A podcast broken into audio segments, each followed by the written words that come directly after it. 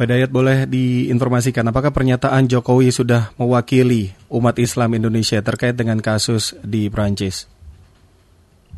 Sebagian mewakili ya, tapi sebagiannya belum mewakili karena apa yang dinyatakan oleh Pak Jokowi itu ternyata kan tidak ditindaklanjuti oleh Pak Macron. Pak Macron tidak tidak tidak menindaklanjuti sama sekali bahkan uh, terbukti bahwa ya kalau Pak Jokowi apa mengkritisi dan apa mengecam dengan keras tentang pernyataan Macron yang menyakiti hati umat, yang memecah belah umat manusia, yang berdalih uh, kebebasan berekspresi itu dinyatakan itu tidak boleh dan tidak dibenarkan dan harus dihentikan kalau dikaitkan dengan pimpinan uh, pimpinan agama.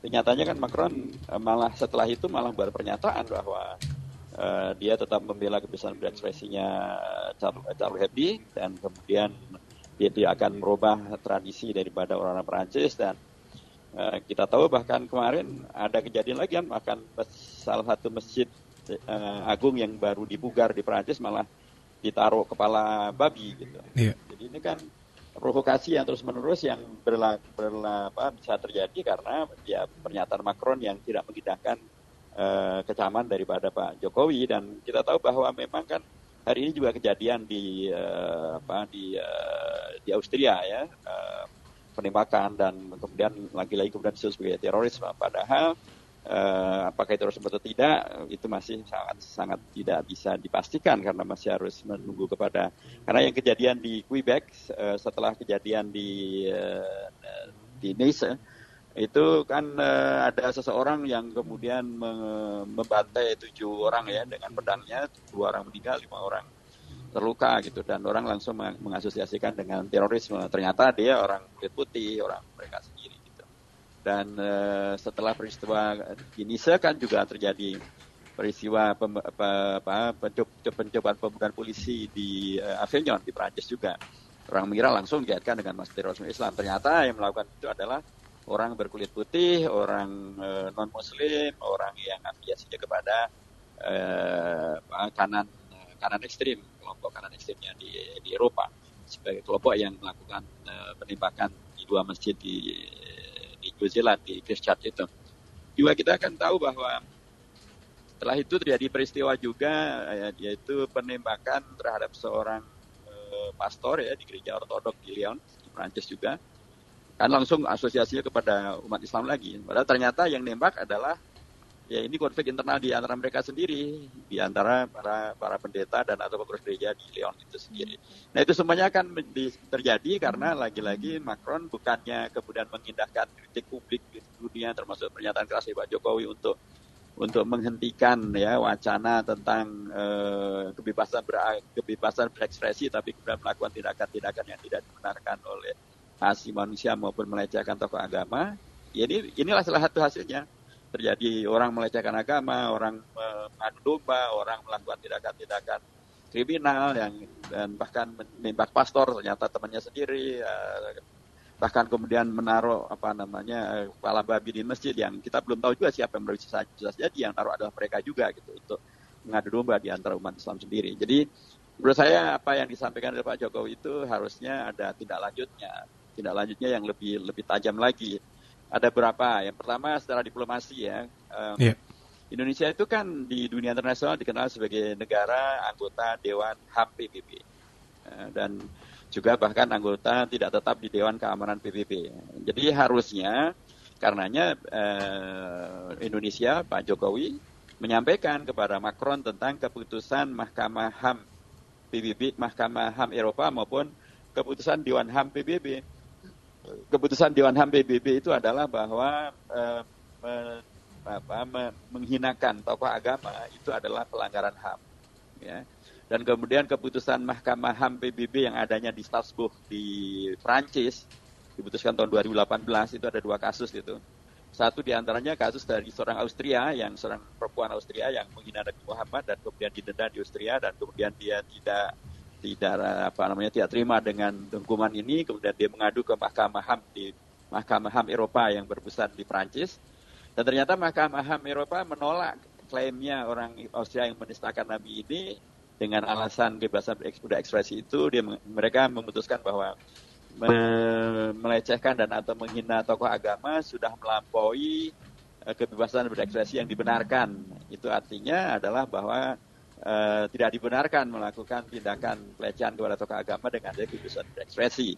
Mereka juga menyatakan bahwa ini juga bagian daripada pelanggaran HAM.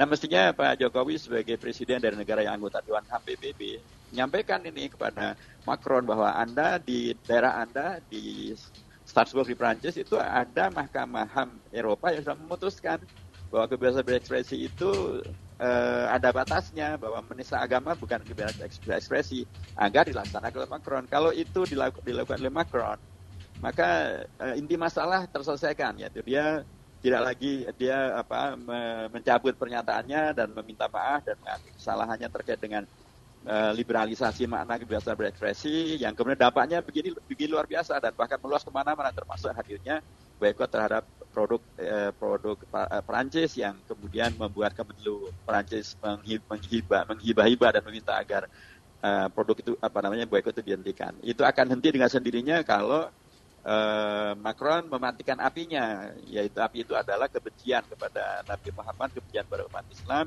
dengan dalih kebiasaan berekspresi. Ya, Pada baik. faktanya kebebasan berekspresi itu juga lagi-lagi tidak benar-benar dilaksanakan di, di, di, di Perancis ya, atau di Eropa secara umum. Apa buktinya? Ada dua yang paling mencolok. Pertama adalah bahwa di Perancis di, orang tidak boleh mengkritik Yahudi, tidak boleh me, apalagi menjelekkan Yahudi. Nah, itu akan mas, akan terkena hukum undang-undang tentang antisemitisme. Dan salah satu yang kemudian sudah terkena dengan ini adalah seorang uh, apa seorang uh, seniman gitu ya.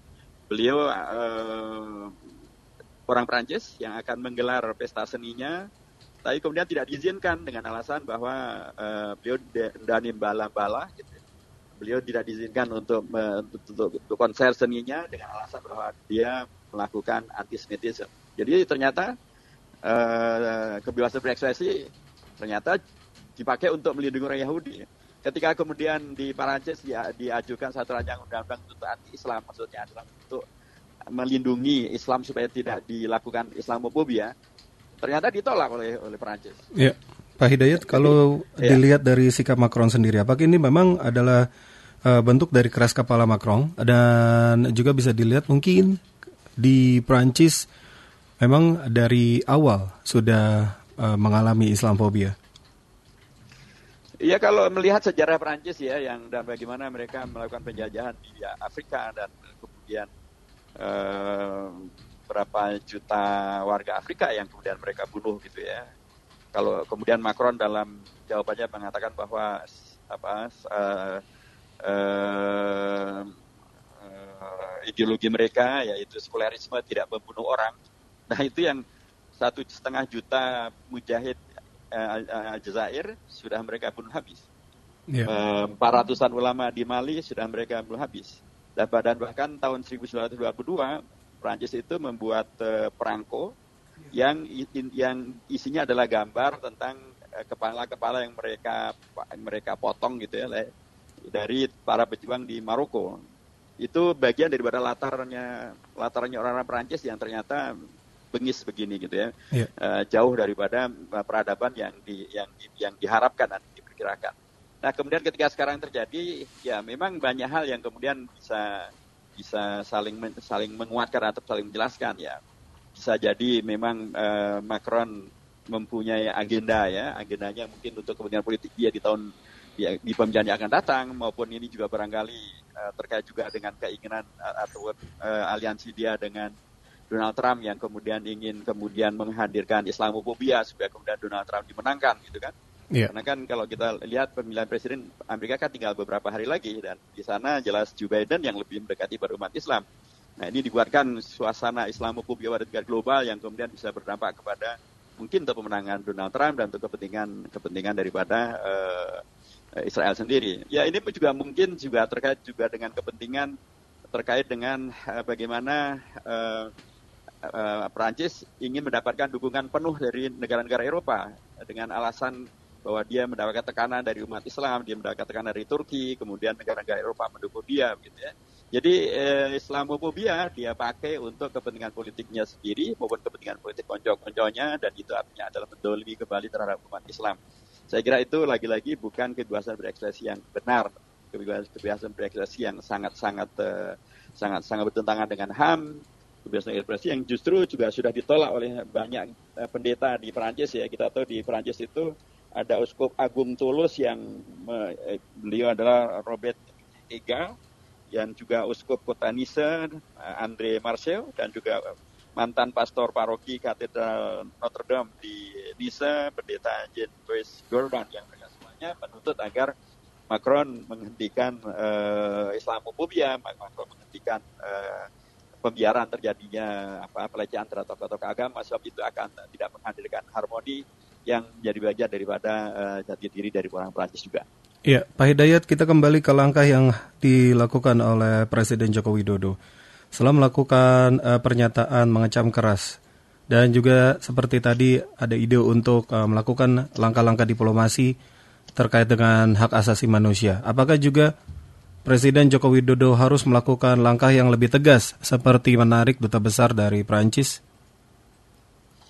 Ya kalau melihat eskalasi masalahnya sekarang kan melebar ke mana-mana ya, masuk kemudian kejadian di uh, di Austria ya, sebelumnya juga yeah. kejadian di, di di apa di Quebec di Kanada sekalipun keduanya dicitrakan semulanya untuk semakin mengkeruhkan suasana dengan uh, dengan isu Islamophobia, tapi ternyata di Quebec bukan orang Islam, di uh, Austria ini masih masih belum jelas bagaimana bentuknya, tapi jelas kita menolak dan mengutuki segala bentuk terorisme yang menghadirkan korban di kalangan masyarakat sipil. Yeah. Iya. Uh, sementara beragam kejadian di Perancis ternyata pelakunya bukan orang Islam, ya bahkan sebagian adalah konflik internal gereja. Gitu ya. Jadi kalau menurut saya apa pun kondisinya terjadilah kondisi yang kemudian uh, tidak menghadirkan nuansa uh, dunia yang lebih kondusif, yang lebih mencari solusi, yang lebih menyatu kan Pak Jokowi juga mengingatkan tentang inilah kita lagi COVID-19 kan harusnya kita bersatu padu. Yeah. Sementara kan Perancis sendiri kan bagian dari beberapa negara yang sekarang melakukan lockdown lagi karena di sana uh, apa uh, korban dari COVID-19 kan mening, uh, melonjak luar biasa. Jadi memang harusnya uh, Macron mempertimbangkan serius apa yang jadi kritikan dunia termasuk kritikan daripada Indonesia. Tapi kalau kemudian Macron bahkan mengomentari tentang Austria itu juga dengan pernyataan yang sama bahwa itu ada terorisme, itu adalah teroris radikalisme Islam, kita tidak boleh kalah, kita tidak boleh uh, meng, apa, merubah tradisi kita. Ya, berarti Macron sama sekali tidak melakukan perubahan apa, bahkan cenderung untuk memanas-manasi, cenderung untuk ngompori, memprovokasi. Kalau memang kondisinya semacam ini, saya kira sangat wajar bila uh, Presiden Indonesia men, men, minimal memanggil duta besarnya untuk menanyakan apa yang terjadi di sana, kalau kemudian eskalasinya memang semakin tidak kondusif, Indonesia sebagai negara yang mempunyai kewajiban untuk terlibat dalam menghadirkan perdamaian abad perdamaian di dunia ini ya wajar saja bila menarik. Tapi menurut saya tarik penarikan dukungan penarikan duta besar itu juga penting untuk dibarengi dengan satu satu usaha internasional ya. Dulu zaman Pak SBY kan terjadi juga sejenis ini bahkan sebelum kejadian dengan uh, uh, apa, uh, majalah yang ada di Prancis ini dulu dengan yeah. Denmark dan kemudian uh, Presiden SBY waktu itu segera membuat satu konferensi internasional mengundang media-media besar di skala dunia, mengundang tokoh-tokoh dunia untuk meredakan dan menyelesaikan masalah ini dan itu kemudian bisa terselesaikan. Nah, yeah. ini juga sebenarnya bisa dilakukan oleh Pak, Pak Jokowi gitu ya. Beliau segera mengundang tokoh-tokoh tokoh-tokoh terpenting di dunia, kemudian menghadirkan media-media yang penting di dunia untuk tadi merealisasikan keputusan Mahkamah HAM PBB, Mahkamah HAM Eropa maupun Dewan HAM PBB agar kemudian eh, kebebasan itu sekaligus juga adalah saling menghormati, kebebasan itu juga ada sekaligus ada tanggung jawab. Dalam konteks COVID-19 ya kebebasan itu harusnya juga sekaligus justru bebas untuk berkontribusi menyelesaikan masalah COVID-19. Jadi menurut saya penting juga Pak Jokowi mengambil posisi sebagaimana dulu dilakukan oleh Pak Pak, Pak SBY tapi kalau kemudian ternyata ya dengan eskalasinya menghadirkan pelanggaran HAM yang semakin meluas, ya saya kira boleh juga Pak Jokowi sebagai Presiden Republik Indonesia yang anggota Dewan HAM untuk mengadukan masalah ini ke Mahkamah HAM Internasional. Yeah. Karena yang disampaikan oleh Macron justru uh, tadi mengompori, malah apa me, tidak menghadirkan kondisi kondusif, tidak menjadi solusi, membenarkan diri dan menyalahkan komunitas umat Islam dan menghadirkan marah di mana-mana dan itu bukanlah yang dibenarkan dalam konteks HAM. Iya, kalau dilihat dari uh, beberapa negara yang sudah melakukan pemboikotan untuk uh, produk-produk Prancis, apakah Indonesia harus mengikuti langkah-langkah tersebut atau tetap berkutat di permasalahan HAM untuk melaporkan hal ini? Ya, saya kira bagus saja ya kalau kemudian Indonesia uh, berani melangkah ke pemboikotan ya. Uh, sekalipun tadi pagi saya kan dengan Pak Ngabalin tuh di TV One dan Bang Ngabalin sebagai Ali Muhtar Ngabalin sebagai jubirnya pemerintah mengatakan tidak akan melakukan pemboikotan. E, tapi rakyat kan sudah melakukan pemboikotan ya, rakyat sudah melakukan, umat sudah melakukan pemboikotan, ormas-ormas sudah melakukan pemboikotan, pemboikotan ya, beberapa pesantren juga sudah melakukan pemboikotan. Jadi pemboikotan itu adalah ya hak asasi manusia juga, mereka berhak mempunyai kebebasan untuk membeli dari siapa atau tidak membeli dari siapa itu adalah hak mereka. Kalau negara tidak memfasilitasi, negara juga tidak punya hak untuk melarang orang-orang untuk membeli, eh, menjual atau tidak menjual, membeli atau tidak membeli. Itu adalah rakyat. Dan umat Islam yang merasakan adanya kedoliman luar biasa ini menurut saya wajar saja bila mereka kemudian secara individu, secara organisasi, secara pesantren, secara komunitas kemudian mereka melakukan pemboikotan sebagai bagian dari solidaritas mereka dengan masyarakat dunia. Dan e, kalau kemudian pemboikotan itu memang sesuatu yang kemudian memberatkan Prancis, bagaimana tergambar dari pernyataan Kemenlu Prancis ya kan, mereka menyampaikan mereka meminta-minta atau mohon kepada negara-negara Arab untuk menghentikan pemboikotan itu. Ya. Kan sederhana jadinya. Kalau memang mereka tidak ingin dilakukan pemboikotan, ya sebab terjadi pemboikotan itu harusnya mereka mereka hilangkan. Pemboikotan itu kan bukan tanpa sebab. Pemboikotan itu ibaratnya adalah asap, tidak akan ada asap kalau tidak ada api. Nah, mereka matikan saja apinya itu. Api itu adalah tadi klaim kebebasan beragama, tapi kemudian yang terjadi adalah bukan mem mempermasalahkan Yahudi, karena mempermasalahkan Yahudi akan menjadi pelanggaran hukum, tapi yang akan yang terjadi adalah mereka justru terus uh, membela pelecehan terhadap Nabi Muhammad dan yeah. itu menyakiti umat Islam. Jadi menurut saya uh, apakah pemerintah akan melakukan atau tidak itu nanti akan rakyat juga akan menilai. Ya, kalau nanti pemerintah ternyata tetap tidak mau melakukan pemboikotan sementara yang lain melakukan pemboikotan dan rakyat melakukan pemboikotan sendiri dan ternyata efektif kan negara sendiri yang malu nanti. Ya, terakhir Pak Hidayat, apakah hal ini secara global akan selesai ketika Macron meminta maaf?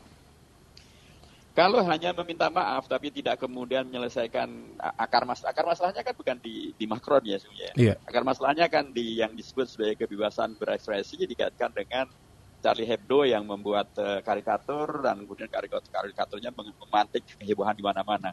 Jadi uh, kalau dia minta maaf dengan uh, kalau dia minta maaf maka tolak ukur minta maaf yang benar adalah kalau dia menghentikan Charlie Hebdo yang dengan dalih kebebasan beragama justru membuat karikatur yang melecehkan tokoh agama dan konteks Nabi Muhammad SAW. Jadi kalau dua itu dilakukan berbarengan, ya minta maaf sekaligus juga menegaskan bahwa kebebasan berekspresi, sebagaimana keputusan Dewan HAM PBB, Dewan HAM Eropa, adalah bukan termasuk menistakan tokoh agama. Kebebasan berekspresi adalah justru kita saling menghormati. Kebebasan berekspresi adalah kita saling menguatkan harmoni. Karenanya saya menyatakan bahwa uh, yang dilakukan Charlie Hebdo adalah sebuah kesalahan, itu bukan kebebasan berekspresi, itu ada kesalahan berekspresi, itu adalah pelanggaran HAM, dan Perancis tidak bersama dengan Charlie Hebdo.